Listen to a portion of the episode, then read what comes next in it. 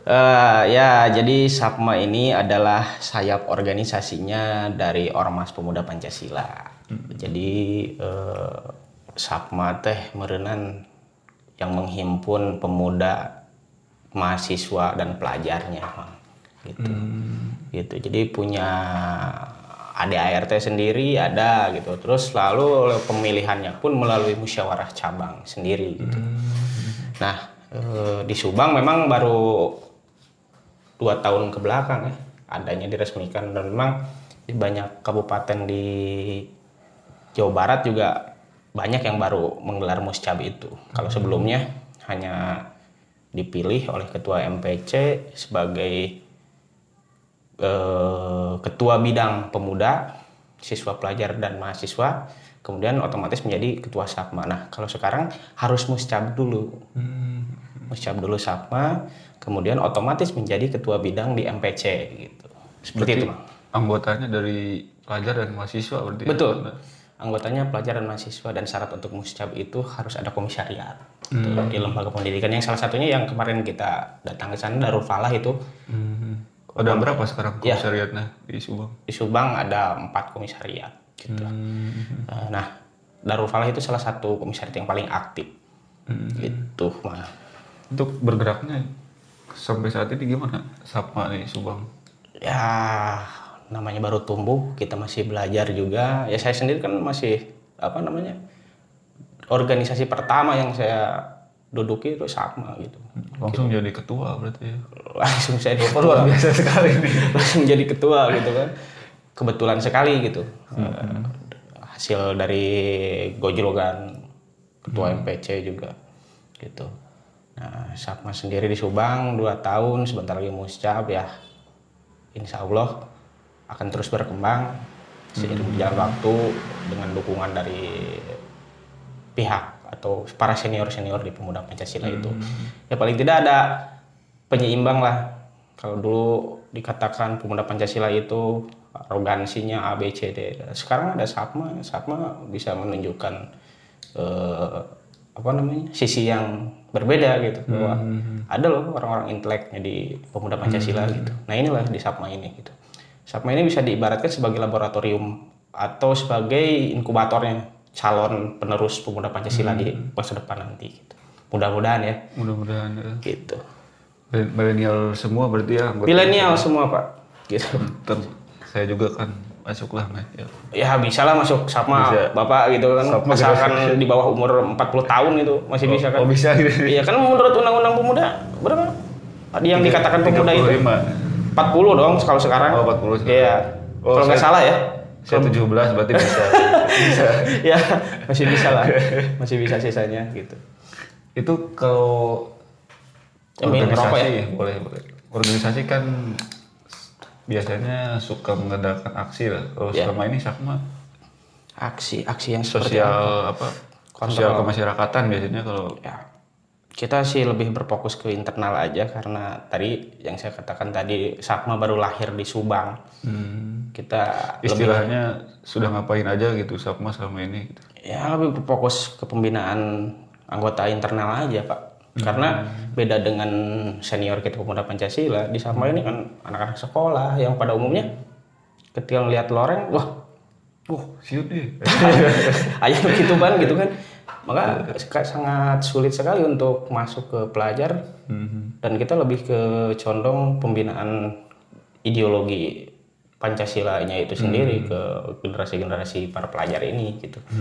Kalau untuk aksi-aksi sebagai sosial kontrol kita punya cara-cara sendiri kok. Gitu. Nggak perlu kita harus teriak-teriak kan aksi itu. Kadang yang teriak-teriak juga ujung-ujungnya minta apa? Bener nggak? Bener ya? Nggak tahu tapi sih. Bener ya? Salah soalnya. gitu jadi nggak usah teriak-teriak ada cara-cara tersendiri gitu audiensi kan dengan cara-cara elegan lah Kalau kegiatan lain itu kegiatan. Kan milenial kan harusnya banyak kegiatan kalau milenial. Banyak kita sering ngairin makrab camping-camping di aula bebas gitu kan. Adain acara di beberapa komisariat juga. Ya intinya kegiatan-kegiatan kita lebih condong ke pemupukan di internal aja saat, untuk saat ini gitu ya. Mungkin ada saatnya nanti sama eh, seperti organisasi lain di Subang gitu. Hmm. seperti itu Kalau programnya ke depan sama program program kan kerja. baru empat komisariat ya. ya Harus banyak lagi berarti itu. ya pengembangan komisariat tentunya terus kita galang. Lewat jaringan-jaringan di PAC juga para senior senior kita. Banyak kan di situ sekolah-sekolah. Minimal bisa masuk satu kecamatan satu sekolah aja kita. Udah bagus itu. Kalau perguruan tinggi kan sangat sempit sekali di Subang itu Gitu kan. ada unsub unsub yang paling gede ya di Subang tapi di situ sudah banyak organisasi lah. kita pengen anggota yang benar-benar clear gitu bukan perpindahan dari organisasi lain kemudian pindah ke Sapma itu akan merusak kemurnian gitu. Kemudian gitu. kita sebisa mungkin eh, dari bibitnya yang benar-benar clear tapi tidak menutup kemungkinan juga itu tidak menutup diri juga ketika ada orang lain yang mantan dari organisasi kemudian mau masuk sap ya ayo ayo aja siap siap. Saya jadi takut salah ini kalau ngomongin organisasi. jangan ngomongin itu ya Iya, ngomongin biasa aja aja, lah. Iya. ngomongin apa tuh Di- dilewat aja lah itu yang organisasi kok. Saya terus terang takut salah ya. Lebih baik ngomong kepemudaan aja lah. kemudaan aja lebih menarik man gitu Jadi selama ini Bapak aktivitas apa aja Pak? Saya kalau pekerjaan formal boleh buka di sini? Oh boleh boleh. Ya, pekerjaan formal saya itu sebenarnya sebagai kasih di salah satu desa. Oh Bapak kasih. Ya, saya kasih kesejahteraan Hmm, di desa Dawan Kidul. Itu, Pak. anak muda sudah mau jadi kasih biasanya kalau kasih yang tua-tua biasanya Pak. ya, udah. eselon berapa? oh, belum eselon ya kalau, kalau kasih ya? Belum. Oh, belum Tapi ya? nggak tahu. Jadi, nah, kumaha itu tanah. Kenapa Bapak tertarik di Eh, apa di desa ya? tertarik gini ya, Kalau kedauan berarti desa ya? Maksudnya bukan kelurahan. desa ya. Iya, desa. desa. Ya kan kita punya semangatnya untuk perubahan ya anak muda itu. Dan biasanya perubahan itu tidak harus dengan cara berteriak-teriak, tetapi juga bagaimana kita merubah dari dalam gitu. Kita masuk ke dalam sistem seperti virus. Kita virus ke dalam, rubah dari dalam, tidak perlu dengan melaporkan A, B, C, A, B, C memenjarakan si A, memenjarakan si B nggak berguna itu pak, nggak akan menyelesaikan persoalan kok. Kalau mau ya masuk ke dalam sistemnya, gitu. Gitu, Kemudian setelah masuk gimana Pak? Ya Pak Burantak. ya enggak juga, ya enggak juga. Kalau sudah masuk ya, tentunya kita bekerja dengan baik. Bagaimana Oh, gitu. eh, apa merubah kinerja yang dulu kita rasa ada kurang pas, kita koreksi ya. Setelah kita menjabat di situ ya kita perbaiki, gitu Pak. Berarti setelah masuk enak berarti ya? Ya setelah masuk pasti enak Pak. Ngopi dulu Pak. Udah berapa tahun Pak jadi kasih? Ya, Jadi kasih udah berapa tahun? dua tahun ya. Lama juga berarti. Sudah dua tahun ya. Dua tahun semenjak kepala desa yang baru saja, saya diminta untuk bantu di desa ya be- berangkat dari semangat untuk memperbaiki itu dari dalam. Ya sudah, ayo kita coba gitu. Itu kalau kasih pekerjaannya ngapain aja sih Pak? Saya juga penasaran sebenarnya di desa itu. saya orang yang jarang ke desa. Oh ya, bapak jangan bisa. Jarang, Pak. Oh, iya, tapi banyak loh teman-teman media yang ke Oh iya, mungkin, desa itu. Mungkin tapi saya nggak kenal pak. Biasanya banyak Iya. di desa. Kalau kasih itu kan pelaksana teknis, Pak. Gitu. Pelaksana Hmm. Gimana kegiatan. itu, Pak? Ya contohnya kalau misalkan eh, seperti kemarin ada bansos seperti itu, itu Hmm. leading sektornya dari saya, Pak, untuk melaksanakan di lapangannya ya. Hmm. Itu menyalurkannya, gitu. melaporkannya gitu. Hmm. Ya, pelaksana teknis ke mana sih? Siap. Melaksanakan apa yang sudah direncanakan Hmm. di tahun sebelumnya oleh para BPD tokoh masyarakat berserta kepala desa kemudian ada yang di leading sektor saya mungkin ya saya kerjakan hanya untuk tahun ini karena pandemi ini jadi sepertinya tidak banyak kegiatan Itu menarik Pak yang bansos itu gimana? Kan banyak di desa lain Ya. kacau lah, kacau balau.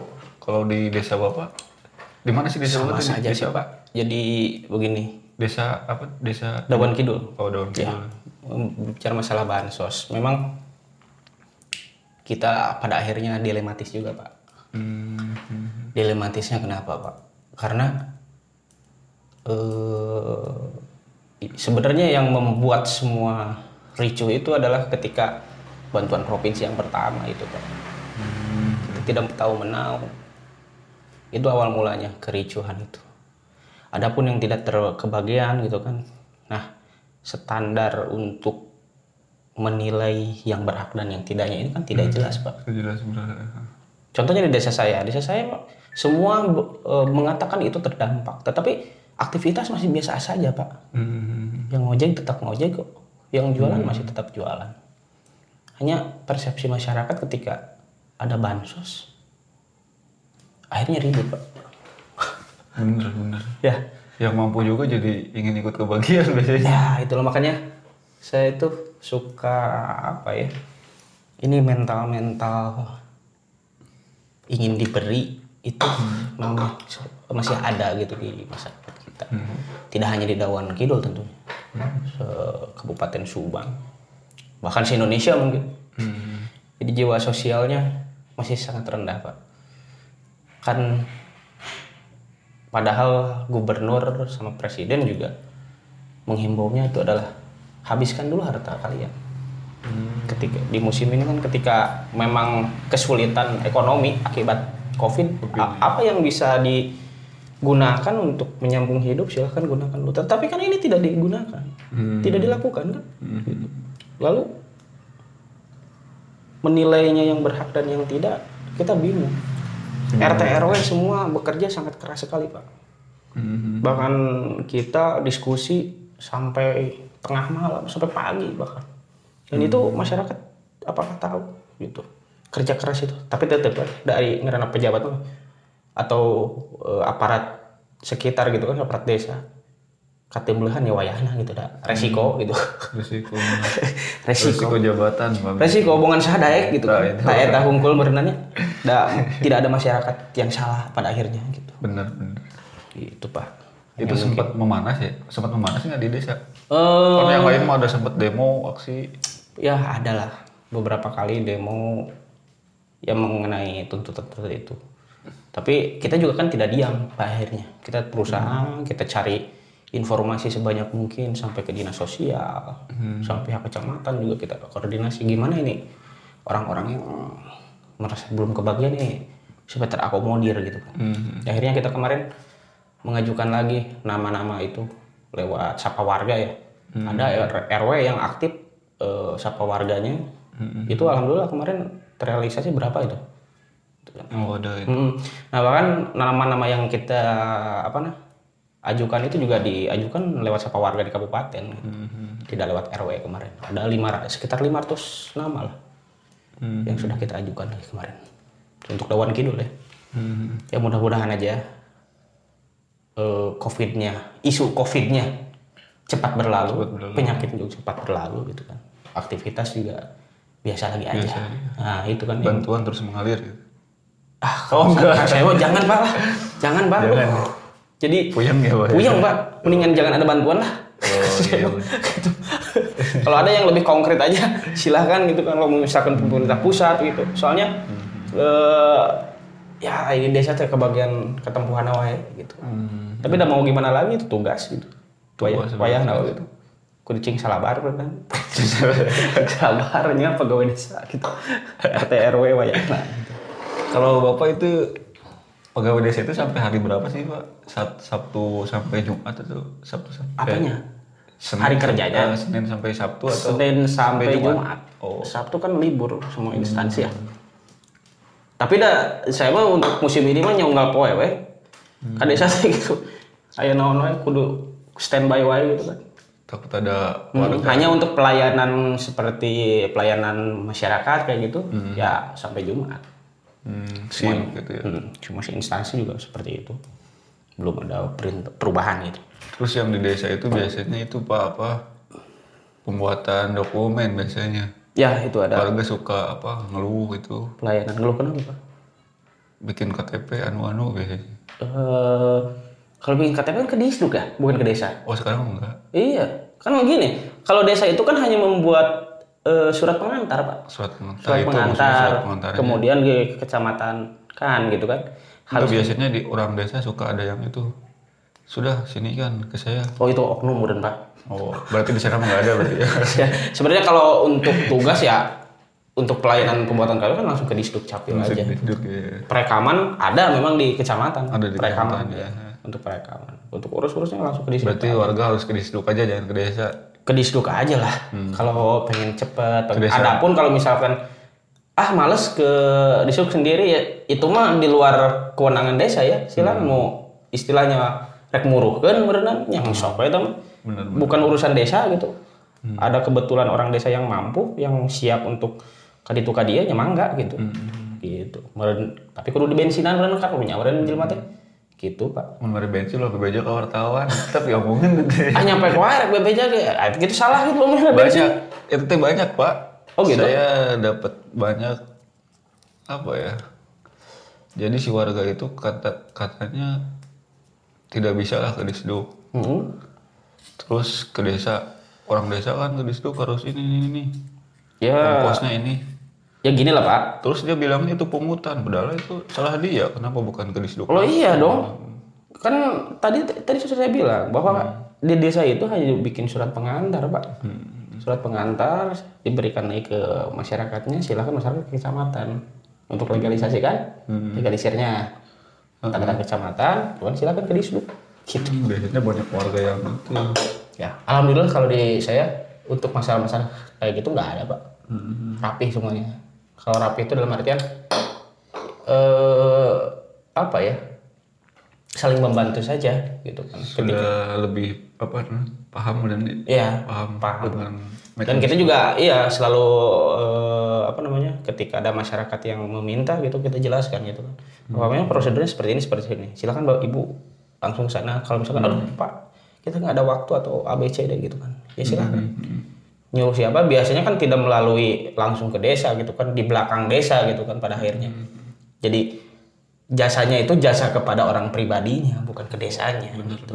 Contoh kepada saya misalkan kalau misalnya "Ah, Wisnu tolongin ini gitu-gitu kan bukan sebagai Wisnu orang desanya pada akhirnya gitu. Hmm. Seperti itu. Hanya kebetulan saya ada di desa. Kalau untuk urusan seperti itu gitu. Terus aktivitas apalah lagi Pak selain tadi jadi ketua Sapma, terus di desa terus kayaknya Bapak orang sibuk. Sibuk aja nggak mau duitan deh gede mah. Enggak mau jangan diomongkan di sini Pak. Jangan ya. duit, iya. Iya. Saya jadi nantinya kayak enak gua. Kita nggak mau- nggak nggak ngomongin masalah profit ya di sini. Iya. Oke. Soalnya sama kalau Sama ya nasib.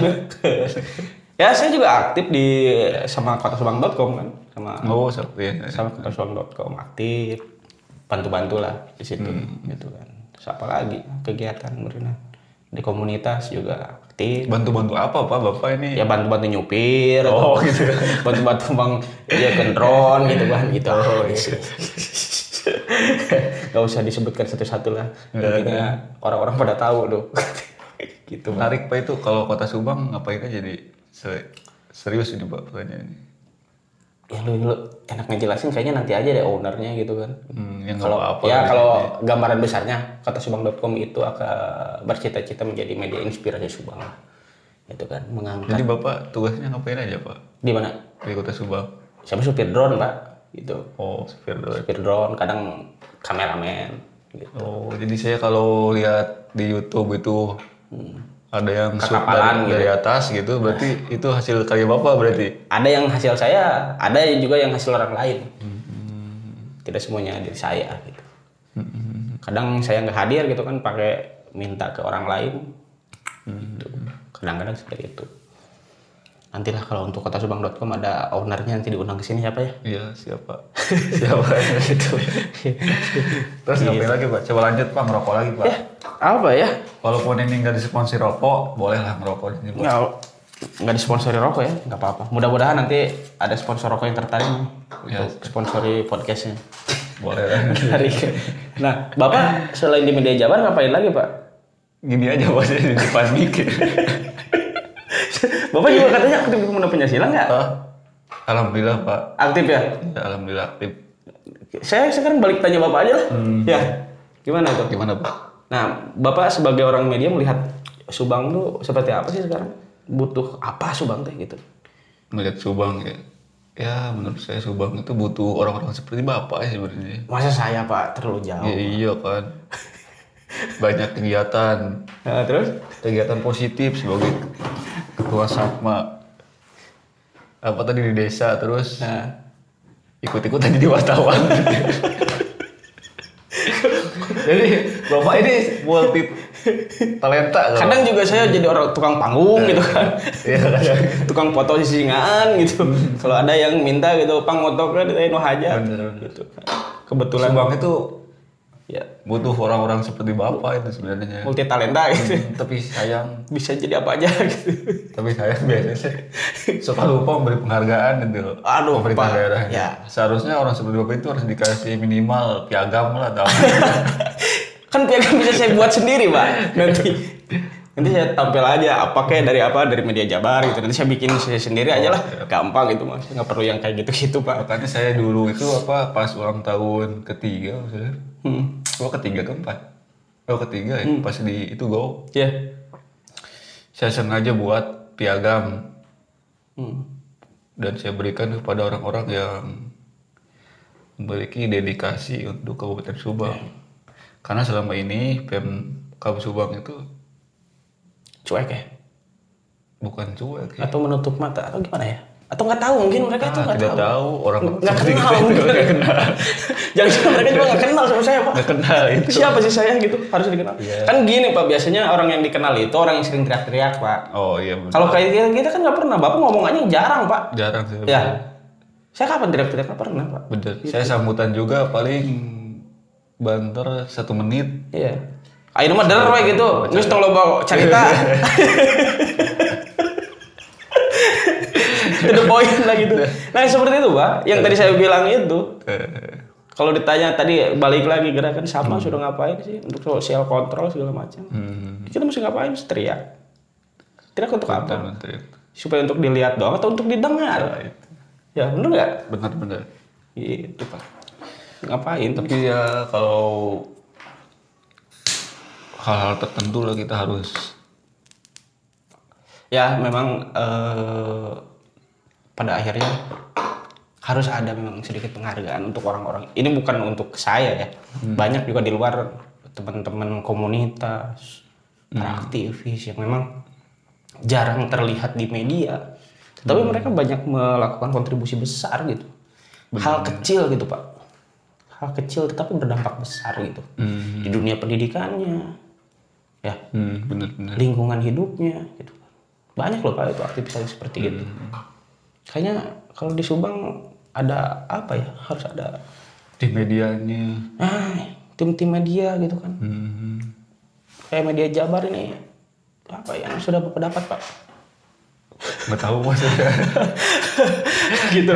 Tapi kalau saya emang nggak butuh penghargaan, Pak. nah sama Karena saya sudah buat sendiri penghargaan. Pak. sama ngapain saya penghargaan Iya, Gitu, saya bisa buat sendiri Benar-benar. gitu kan berarti sama kan kita? Gitu. Sama orang-orang yang tidak ngapain sih? dihargai. Kita tuh bukan orang pragmatis kan? Ya gitu. Nggak tahu sih kalau itu. Bahkan apa ya? Ya memang apa ya? Kalau berbicara masalah penghargaan gitu kan pada akhirnya ke apa? Nominal seleri atau apa disebutnya itu? Keuntungan. Memang tidak juga menutup kemungkinan atau tidak juga kita pungkiri bahwa kita memang butuh sesuatu gitu untuk menyambung hidup tetapi kan tidak harus menggonggong itu loh Pak. ya saya memperhatikan Subang ini apa ya banyak sekali orang-orang yang ngaribu hukum gitu benar-benar pada akhirnya ya oke mereka bersemangat untuk menegakkan hukum ABCD hmm. Tapi pada akhirnya apakah menyelesaikan persoalan? Ya. Sekarang contoh lagi nih. Ketika satu pejabat di otak atik otak atik akhirnya masuk bui, oh iya yang rugi siapa pak? Masyarakat pak. masyarakat benar Ya. hmm. Program tidak akan berjalan. dampaknya seperti apa nanti ya tidak akan menyesuaikan persoalan gitu cobalah secara elegan memberi masukan yang positif kalau memang ada yang salah silakan perbaiki gitu ikut apa memberi solusi lah jangan wah ngomong wah ngomong si ini harus dipenjara harus ah riweuh wae subang teh rek kumahaan kemarin kita baca di media perusahaan-perusahaan besar Cina, Pak, masuk ke Subang, Subang menjadi seksi. Nah itu yang harus kita pikirkan. Bapak punya anak, saya punya anak, Pak. Anak saya menjadi apa nantinya, Pak? Yakin nggak anak saya bisa kerja di situ? Sudah iya, ada ada ada jaminan apa? Kalau misalkan sistem pemerintahnya diobok-obok seperti ini terus, gitu Pak. Cobalah sekarang mem- fokus bangun sumber daya manusia aja, gitu Pak. Bener Pak, duh ini obrolan jadi, Jadi, semakin memanas ini Pak. Ngopi lagi kita Pak. Ya kan kita pemuda pak, pemuda mau bebas lah, rek ngomong ngomong kita pemuda gitu. Karena ya saya juga banyak kekurangan, banyak juga perlu belajar lagi. Tapi insya Allah lah. Kalau berbicara masalah Subang mah, rek kumaha kumaha ge darah lah hayu. Tapi dengan cara-cara yang kebaikan gitu pak. Ulah orang teh tadi teh saya mah selalu ngeliatnya iya jelema ayo cing gorok itu salah iya salah gitu kan. Tapi tanpa eh apa ya? Kebanyakan di medsos biasanya. ah gitu.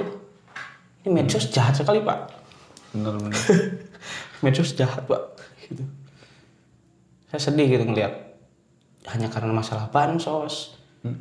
Kades kades jadi kena sorotan gitu kan. Padahal kita di desa hanya sebagai pelaku pak pelaksana gitu Bener. Tapi yang bikin saya sedih itu di medsos itu oke lah kita membiasakan nulis status biasa anak SMA biasa. Tapi kalau udah urusannya ini orang-orang berpendidikan akademisi atau Iya. dia mengklaim dirinya sebagai apa apa Iya. dia ikut seperti kita gitu nulis status seenaknya ya itulah pak. Menghujat seenaknya tanpa solusi. ya. Dulu Padahal dalam segi keilmuan dia itu luar biasa menurut saya. Di Kabupaten Subang gitu. ya kan banyak orang-orang bijak atau orang-orang apa sih orang-orang cendekiawan menorehkan satu kalimat menorehkan satu kalimat bahwa Indonesia tidak perlu lagi orang pintar. Yang perlu lagi yang hanya perlu itu orang-orang yang berakhlak muncul Erick Thohir sama mana akhlak gitu. Gitu kan. Jelma pintar memudah enggak saya saya juga tidak mengklaim bahwa saya orang pintar dan orang baik Pak, pada akhirnya. Saya tetap hidup di jalanan kok dulu. Saya sempat jadi orang yang tidak peduli gitu kan. Akan sesuatu gitu. Tidak peduli saya. Saya mau motoran kan tahu apal sorangan emangnya Oh, Bapak dulu geng motor ya? bukan geng motor pak. Klub motor. Oh, klub jadi motor. konotasinya beda pak antara geng motor dan klub Ya, motor. sama aja, Pak. gitu. Klub motor dulu pak. Saya sempat menjadi orang yang tidak peduli gitu. Eh, ah aku mau orang kan gitu. Hirup-hirup aing gitu. Tapi pada akhirnya memang sih pengaruh dari pergaulan juga. Di banyak gaul banyak ngobrol dengan bukan ngobrol ya dengerin ngobrol mungkin ya cenderung ke situ nah kalau ngobrol mah harus apa tuktak berenya Ay, saya mah udah teka otakan gitu pada saat itu. Pada saat itu. Nah nah tuh pendidikan orang kan seukur STM gitu kan. Orang orang-orang lain sarjana apa keilmuannya sudah tinggi lah. Tetapi dari banyaknya ngedengar obrolan itu akhirnya di dalam bawah alam sadar kita tuh jadi tertanam gitu jadi timbul lah rasa kepedulian itu. Nah mungkin ya generasi-generasi milenial yang saat ini juga nongkrong-nongkrong mau motoran gitu harus sudah mulai memikirkan rek kumaha ya lembur urang gitu. Gitu pak. Lembur urang trek dikumahakeun da beren keur maneh-manehna keneh gitu. Sudah harus mulai ganti haluan bergaulnya dengan siapa gitu. Itu mungkin masukan untuk apa generasi milenial Iya. Berarti bapak sudah cocok mah jadi ketua sapma pak. insya Allah sudah gitu gitu pak Terus kembali lagi sapma ini pak. ya Apa pak program ke depan pak? Ruang ke depan ya eh, kita masih tetap dengan konsisten untuk eh, penggalangan dan juga untuk eh, pemantapan apa apa ya disebutnya konsolidasi internal lah Oh kenal. Konsolidasi internal kita banyak banyak akan banyak kegiatan yang memang melibatkan hanya di internal kita atau ada juga yang keluar nantinya contoh seperti eh, sedang rancang juga kita untuk kompetisi olahraga gitu Oh ada. antar SMA ya. Bahkan tahun ini sebenarnya kita rencana itu untuk kelompok paskibra gitu. Antar sekolah gitu. Sekolah yang tadinya tidak dilirik. Kita pengen tumbuhkan tuh gitu banyak. Dan sebagai catatan juga kita lebih banyak main teh di sekolah-sekolah swasta sebenarnya. Oh swasta. Ya betul. Karena gini, ke negeri kenapa pak di negeri? Pak, kalau negeri itu sudah tidak lagi memerlukan bantuan kita, Pak. Ya memang untuk apa ya? Kalau untuk penggalangnya kita tuh sangat terbuka, kita tidak pernah menutup diri kepada siapa pun. Hanya untuk konteksnya memerlukan bantuan sesuatu untuk pembinaan. Ini kayaknya sekolah-sekolah swasta ini lebih banyak lebih membutuhkan. Karena sumber daya manusianya. Terus sumber daya paling materinya gitu kan. Mereka kan sangat terbatas itu nah kekosongan-kekosongan ini lah yang kita isi di situ. Contoh seperti kegiatan paskibra pramuka itu kan memerlukan anggaran pak. Kalau di sekolah negeri itu kan ada pembinanya. Nah kalau di sekolah swasta kan ada yang tidak punya sama sekali pak. Bahkan untuk osis. Gitu. Seperti itu pak. Ya coba kita masuk ke situ ngobrol dengan kepala sekolahnya setelah oke ya udah kita masuk situ. Walaupun hanya ke titik kecil ya kita gerak di situ untuk ke depan mah ya tadi kayak kompetisi olahraga kita sudah rancang gitu. Itu untuk penerimaan pas di sekolah gimana pak? Kan lu belum Pancasila nih. Biasanya pada tahu. ya kita kan punya cara-cara tersendiri tadi tuh ya Pak Pesapma itu selalu punya cara sendiri untuk bergerak gitu kan walaupun kesulitannya ya adalah itu tadi tuh ya merubah mindset orang lain bahwa kan tidak semua juga kalau kita berbicara pemuda Pancasila yang bilang ada negatif itu kan tergantung sudut pandang mana yang mereka lihat gitu kan. Bener-bener. Ya. kan di pemuda Pancasila masa makbruk tuh Pak. Aya naon wae ya? Wajar wae aya nu bangor hiji dua tilu mah. Bener-bener. tapi kan tidak merepresentasikan satu organisasi itu kan. Bahkan di instansi pemerintah juga banyak oknumnya. Bener. ya. Emang oknum di semua betul pak lini sih dari pemerintahan. di pemerintahan juga. Bahkan mereka digaji loh. PP yang nggak digaji. Masih ada orang baik gitu. banyak. Di wartawan juga banyak oknum yang kata tadi bapak sebut suka ke desa-desa. ya kalau kita masih kan di semua konteksnya mereka mengisi silaturahmi pak. Silaturahmi. Silaturahmi sambil cari masalah biasanya pak. enggak kalau ke desa kalau ke desa saya mudah-mudahan teman-teman media juga yang baik-baik gitu nggak nggak yang cari-cari masalah. Ya wajar lah mereka silaturahmi. Wajar. ya kita juga perlu banyak teman memerlukan itu gitu. Ya, terbuka sekali gitu mah mau yang datang siapa aja? Ayo ngopi ya ayo bareng. Gitu gitu pak. Saya juga kadang pas ke sini ceritanya ini yang ini PP ini gini-gini yang negatifnya. Anda itu nggak tahu saya juga kan di PP. saya suka ngeri ya kalau kalau ketemu gitu. selain di wartawan. Ya bapak tahu lah selain di wartawan saya juga kan pemuda multi talenta. Iya, jadi karena kan kalau bicara organisasi orang kan selalu menilai di luar lingkaran ya, udah. di luar eh, di luar tubuh organisasi itu sendiri gitu. Yang makanya tadi saya bilang nggak teriak-teriak itu untuk apa? Kadang yang terlihat itu keburukannya saja gitu.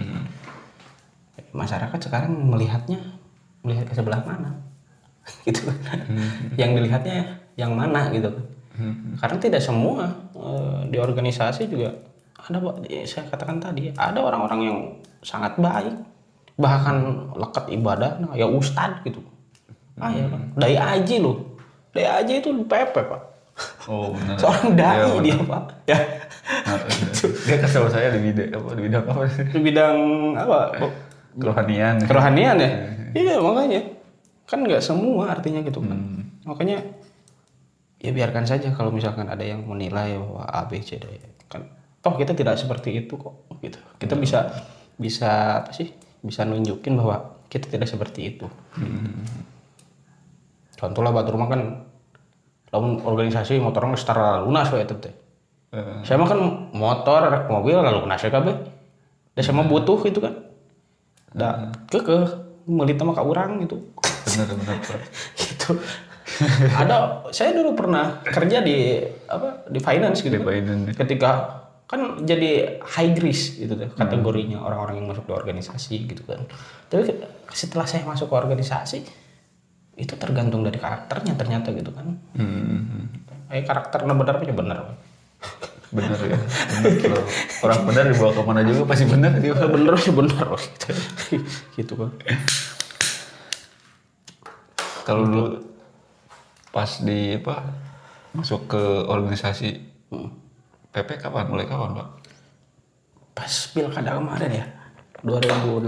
Bareng sama saya berarti. Iya 2018 sih saya saya sangat baru sekali di organisasi. Bahkan dulu kakak saya ada kakak saya Freddy itu di yang sekarang jabat jadi sekretaris PAC Jalan Cagak. Dulu itu kan sepupu saya ketika dia apa namanya pakai pakai seragam gitu saya sok di eh, kuah dia sok di lelewe lah gitu sok di kanan gitu kan eh kalah orang ya Tapi kan jadi, ya tadi itu ya jangan berkaca ke diri sendiri bahwa menilai sesuatu teh orang tuh kudu asup lah kan ya. Nah, itu benar. Kerek, kerek bisa ketika Karena gitu. tahu lah. Eh ternyata suka kia loh. Oh, benar. Ternyata organisasi pemuda Pancasila tidak seburuk itu loh. Gitu. Bahkan yang terlihat seram gitu menarik diajak ngobrol bercandanya edan aja. Hari-hari gitu. Dan apa ya kebersamaan kekeluargaan di pemuda Pancasila sangat terasa sekali gitu kan. Ya, ada 30 kecamatan hampir berapa hampir ada 27 kecamatan atau berapa ya gitu ya. Ya, pokoknya kurang dari 30 kecamatan itu kan ada semua pemuda Pancasila. Ya organisasi terbesar loh Pak. Bener Pak, saya juga suka ngeri Pak. Saya juga suka ngeri Pak. Anjir, orang teh asup ke kandang mau gitu. Tapi kan pas kita masuk, ah, ternyata menarik juga. Apalagi dengan saya kan terbilang apa ya, pertama masuk ke pemuda Pancasila karena banyak ngobrol dengan ketua gitu. Saya melihat, eh ketua anak kok sekian, menarik. Ketuanya sangat baik sekali Pak Haji Endang gitu. Hmm, saya juga. ya kan belum tentu kalau waktu dulu ketuanya bukan Pak Endang ngobrol juga saya belum tentu masuk ke PEP. gitu Pak. Dan mungkin penghargaan paling tinggi ya untuk saya saya sampai diterima di pemuda Pancasila ada organisasi besar gitu. saya diterima dengan baik di situ organisasi lain macam tangtu nerima orang ya wah orang sebagai naon tuh Bener bener. Pemda juga nggak pernah ngasih penghargaan kepada kita. ayo orang sebagai naon gitu iya di sini tapi orang diterima gitu Bener bener Pak. Iya, penghargaan terbaik gitu. Maka sepertinya lalu misalkan suatu saat ada kejadian saya harus entah itu ada apa kalau sampai kemudian pada akhirnya amit-amit ini saya keluar di PP karena saya mau langsung lagi di nggak suka. Jadi iya wae, nanti pemuda biasa saja. Biasa gitu. Karena kan gini pak. Akhirnya lah misalkan saya nepi ada sesuatu terus kemudian saya eh, keluar di PP berarti ada sesuatu yang parah. Terus saya balik ke organisasi anu lebih ke letik TPP atau merenang kumanya? Nunggu di wae gitu kamu letik merenang mending cicing orang gitu. Gitu pak. Dan ini jadi keluarga baru untuk saya. Pemuda Pancasila. Kalau dulu kalau saya boleh cerita bahwa memang saya awalnya resep ulin gitu. Awal mula kukumpulan teh jeung klub motor Satria Triple S. Kemudian dapat hobi baru fotografi adalah BFS yang kebetulan juga saya sekarang ketuanya gitu kan. Hmm. dari, dari tahun berapa? Dikutuk saya jadi ketua gitu Embung, oh deh nu ngegantian gitu kan. Hmm. nah kemudian masuk lagi ke eh, apa namanya organisasi lebih besar lagi gitu kan jadi memang dasarnya memang orang merasa ulin gitu Bener. resep resep loba Ini menarik pak tadi yang BFS apa itu permodelan pak. ah bingkai fotografi suba Ya mending ngobrol itu aja pak. Iya. BFS itu aja gimana pak? Ya BFS BFS berdiri tahun 2010 dan menjadi apa ya kalau saya perhatikan dari timeline bahwa BFS adalah pemicu apa ya triggernya fashion fotografi di Subang.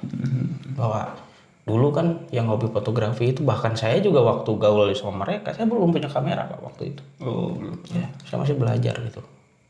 Orang-orang yang hobi foto itu kok dulu ngumpul gitu. Om Riri gitu kan penyiar apa? Simfoni. Simfoni, ya. ya si sih. kamu nggak tahu radio simfoni? Oh nggak tahu. di simfoni. Wah kacau ya. Penyiar radio simfoni terus oh, pokoknya orang-orang kreatif pada saat itu yang hobi di fotografi berkumpul di situ pak. Dan menjadi apa ya organisasi pertama yang oh bukan organisasi pertama ya komunitas pertama juga bukan di Subang itu. Hanya kebetulan BFS ini konsisten pada saat itu. Karena musim medsos ya dulu juga sebelum BFS sepertinya ada komunitas. Juga 2010 udah lama udah. Ya betul udah 10 tahun pak BFS tahun berarti. Hmm, rencananya dulu teh kita mau ulang tahun yang ke-10 nya. Tahun itu kehalangan ku pandemi kan. Eh, mau ke-10 11 ya, Bu? 10 ya. Dulu tuh. Seru nih kalau fotografi kan suka itu modelnya. Dan banyak kita melahirkan yang sekarang banyak model-model yang udah sukses. Berawal dari naik di foto gratis ku BFS. gitu pak. Banyak pak. Gitu. Si siapa itu teh? Orang Purwakarta dulu teh. Lupa lah. Nah si MG ya si MG yang di kota Subang itu kan di Antv gara-gara BFS itu dulu. BFS dulu pernah bikin satu episode dengan Antv pada saat itu. Di acara Mata Lensa. Kemudian kesempatan itu terbuka untuk si MG gitu. MG langsung masuk ke situ. Jadilah sekarang. Reporter MTV Itu masih sekarang apa? kegiatan apa? Apa? BFS sekarang cenderung apa ya kegiatannya lebih ke silaturahmi. Jadi keluarga juga pada akhirnya gitu kan. Ai aktivitas fotografi nama hanya sebagai perantaranya KBG gitu. Aktivitas fotografi masih tetap masing-masing. Hanya kalau kumpul gitu ya kebanyakan ngobrol Ngobrol bener. kebanyakan reunian gitu dari Karola Tapi saya suka lihat itu di apa di media sosial. Seru kayaknya ini moto itu. foto model gitu ya. asli Itu dibayar nggak itunya? ada yang dibayar yang kita event-event tertentu ada juga yang ya karena Berapa bayarnya itu biasanya? Saya juga pengen nih kayak moto-moto nih. jangan apa nanti kecanduan pak jangan Pak. kecanduan gitu Ya, Oh, jadi saya kalau ingin moto-moto itu hubungi bapak aja berarti ya boleh pak Oh Saya- siap. nanti saya kalau misalkan saya sibuk nanti saya bisa salurkan lah kok Oke, siap. tambahin gitu kan banyak lah Seru kayaknya ini. Seru, Cimata. dan komunitas itu menjadi apa ya Hmm. di BFS itu dulu selain karir permodel gitu dan menjadi peluang usaha baru pada akhirnya Hmm. orang yang tadinya tidak aktif moto sekarang kan minimal anu hajat tetangga mau usaha Bener ya. di lapangan usaha baru itu pak. Bener bener. dunia fotografi itu. Menarik pak. Gitu pak. Anggotanya banyak itu. ya kalau gini ya kalau di PFS itu kan tidak ada sistem eh, pendaftaran gitu. Enggak pak. Dulu itu karena kita aktifnya di Facebook di media sosial gitu siapa aja yang masuk grup kita otomatis jadi anggota Oh, kita. saya tinggal masuk berarti ya nanti. tapi sayangnya sekarang sudah nggak aktif. Oh, sudah gitu ya. grupnya itu lebih banyak di Instagram kan sekarang. Oh, iya. dulu itu kalau misalkan eh yang mau gabung BPS sih silakan masuk grup kita kemudian upload karyanya di situ. kalau ada kumpul ikut kumpul. Ayo gitu. Tinggal ikut foto-foto aja. kita nggak mau membatasi. Dan bukan komunitas fotografi eh fotografer ya di BPS itu BPS itu komunitas pecinta fotografi. Siapa pun yang suka dengan fotografi silakan. Ya, entah itu hanya penonton model tukang rias gitu kan tukang fotonya komodenya tukang video. Itu boleh gabung sama kita kok. Boleh ngobrol sama kita. Jadi kolaborasi Pak. tidak komunitas fotografi unggul. Wah fotografer enggak. Gitu pak. Tuh mo- modelnya dari mana aja biasanya? Kalau foto-foto. Kebanyakan mojang subang gede can beak pak. Gerilis mojang, mojang subang tuh pak. Banyak potensi yang jadi model. Gitu. Jadi kebanyakan kita kalau misalkan acara-acara apa acara-acara kecil ngumpul biasanya ya model-model lokal saja gitu. Hmm, mereka aset yang harus di Oh iya, Pak. lestarikan buat kita ya. mereka itu apa namanya potensi yang harus dikembangkan pak. Hmm, itu kan salah satu pelaku ekonomi kreatif pak. Betul. ya gitu karirnya. Ah, menarik pak. Sampai sekarang berarti udah lama 2010 udah ya 10 tahun. Awalnya tuh gimana bisa masuk? awalnya saya? Ya kan salah satu pendirinya yang punya kota subang.com terus saya pula Anwar dulu itu sama si Aris orang-orang sekitar saya teman-teman saya gitu. Hmm, ya saya otomatis jadi kebawa gitu. Ke bawah. gitu. Bener. bawa nah kenapa saya jadi ketua pada saat itu? Bukan karena saya paling jago pak. Ya udah ya ya tadi Gitu. karena mereka masih sudah banyak kegiatan saya nunggu di situ pengangguran pada saat itu gitu. Nggak ada kegiatan. Diharapkan bisa menggerakkan seperti itu gitu pak. kalau yang jago banyak pak. Jago jago. Tuh bahkan Subang saya perhatikan sekarang makin ke sini perkembangan dunia fotografinya edan pak. Ada si siapa itu? Si Jen itu Jen kalau bikin video kan keren tuh golongan golongan klub binaria gitu. Kalau bikin sesuatu mereka serius. Nah inilah. Apa? Potensi-potensi seperti ini nih yang belum dilihat atau dilirik sama pemerintah ini sebagai peluang ini loh anak orang-orang kreatif yang bener ada karyanya gitu Tapi dulu pernah lihat saya apa kota Subang dengan bupati nyanyi itu sudah bag- sebuah penghargaan gitu. sebuah penghargaan Bisa diajak nyanyi itu Pak. Iya, sebuah penghargaan. Betul. Dan itu beneran kakarek kota Subang Baskom ya. Hmm, Media sabar mau mau nyanyi lagu. enggak Pak. Mungkin tinggal kontak Panandang. Panandang. Jadi media Jabar kita nyanyi lagu Panandang. Bingung saya mau bikin lagu apa gitu. Dia tentang naon kayak karena ya di iya tentang media Jabar naon gitu. Theme song gitu. Oh, enggak. Nanti saya kontakin Panandangnya gitu. Bikin biar lagu apa bikinin lagu Mau bikin Mars itu mirip Nah, Jabar. Mars gitu.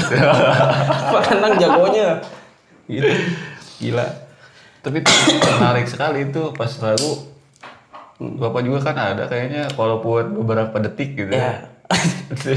Bener menang maksa gitu. ya. Jadi awalnya memang kita ingin memberikan sesuatu. Hmm. Sesuatu. Tadinya kita nggak bikin video klip ya karena nggak akan kita munculkan nanti gitu. Nanti saja. Eh keburu pandemi itu ya, Pan. Setelah bikin video klip itu eh, isu pandemi, Pandemi, ya. muncul gitu kan. Nah, yang tadinya Subang mau bikin apa sih Mahakarya ya dulu tuh. Hmm, makanya kalau nggak salah. Mahakarya kan dibatalkan ya. Hmm, Nah, maka pas ulang tahun kita berinisiatif ya sudahlah ini kita upload saja. Hmm. Pas hari ulang tahun itu. gitu. Tadinya nggak kita itu pak. Oh. Gitu. Karena proses pembuatannya pun jauh-jauh hari itu. Hmm. Sudah kita siapkan gitu. Kita rencananya nanti setelah eh, apa namanya?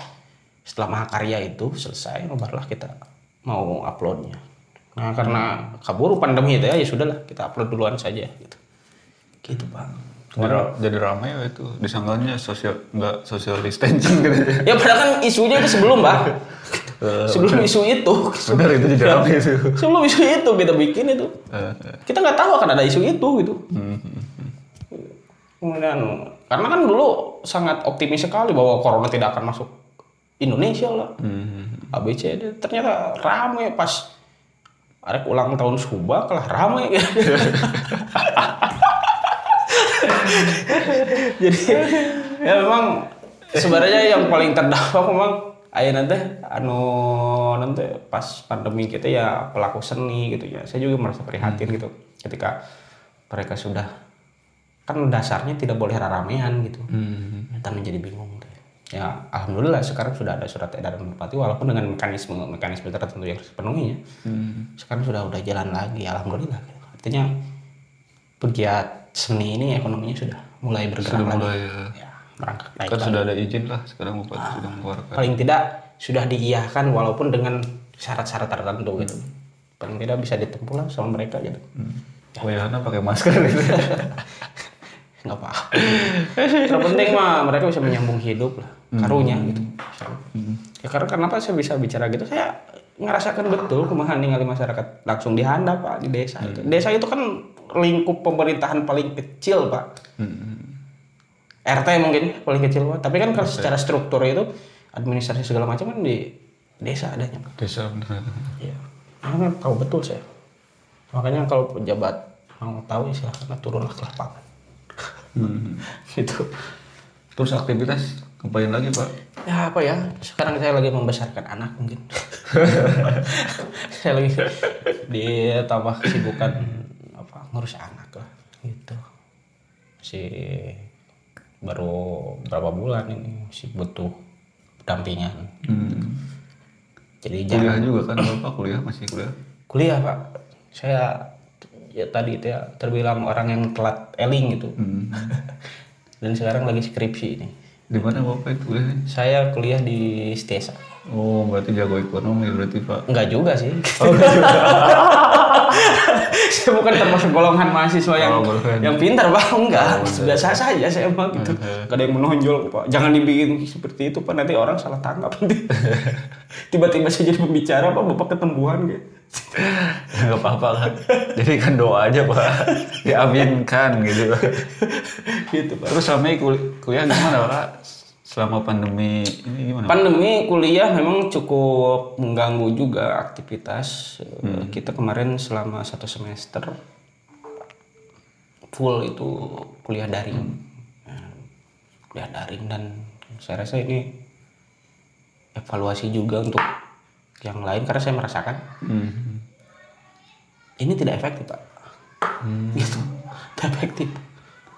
Kieu lah contohnya pak, hari ujian jangan naon jangan tes pengetahuan anak kan ya, ujian sekarang di daring kan gitu di rumah gitu. Emang saya di Google pinoh kan sih jawaban, Bener. tapi saya tidak itu pak, saya tidak berbuat seperti itu pak.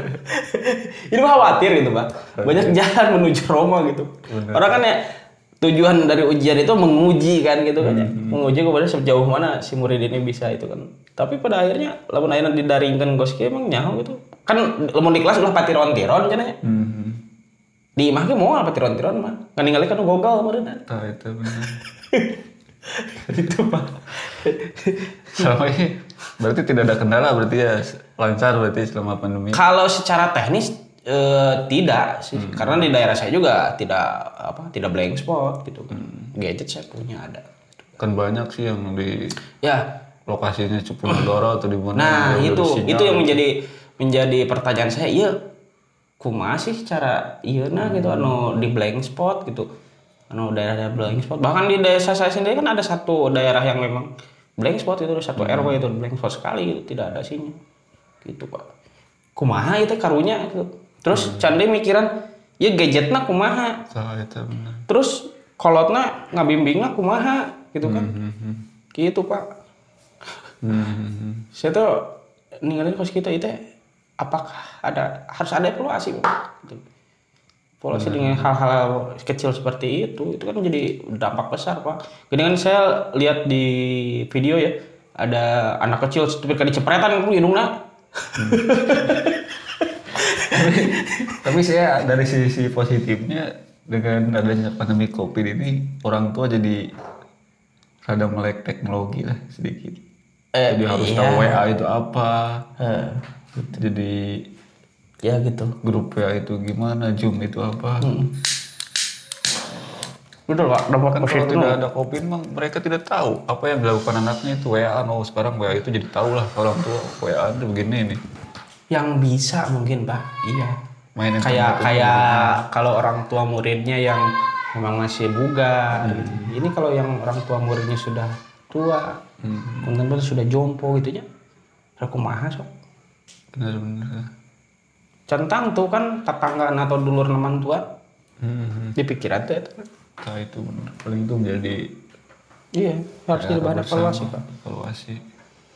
ya gini lah ayo nama da di sekolah harus ada pertimbangan seperti ini. Ini mall aja dibuka pasar dibuka pak. Dengan alasan ekonomi gitu kan. Harus bergerak. Sekolah kenapa harus seperti ini? Bahkan ini adalah bibit generasi bangsa pak Hmm. harusnya ada kalau misalkan kendaraan umum bis contohnya sa- jadi yang tadinya bangku dua jadi satu lakukan saja di sekolah Benar-benar. ya social distancing lakukan saja pakai masker atau ah, protokol kesehatan jalankan saja di sekolah Hmm. apa bedanya dengan di masjid dengan di mall ya Benar. gitu kenapa sekolah tidak boleh gitu tidak mampu kan untuk mengontrol social distancingnya atau protokol kesehatannya atau gimana. Hmm. kalau hemat saya ya orang awam nih saya nggak tahu pertimbangannya apa gitu Benar. kita nggak pernah tahu pertimbangannya apa pak menteri pak siapa Nadiem Makarim itu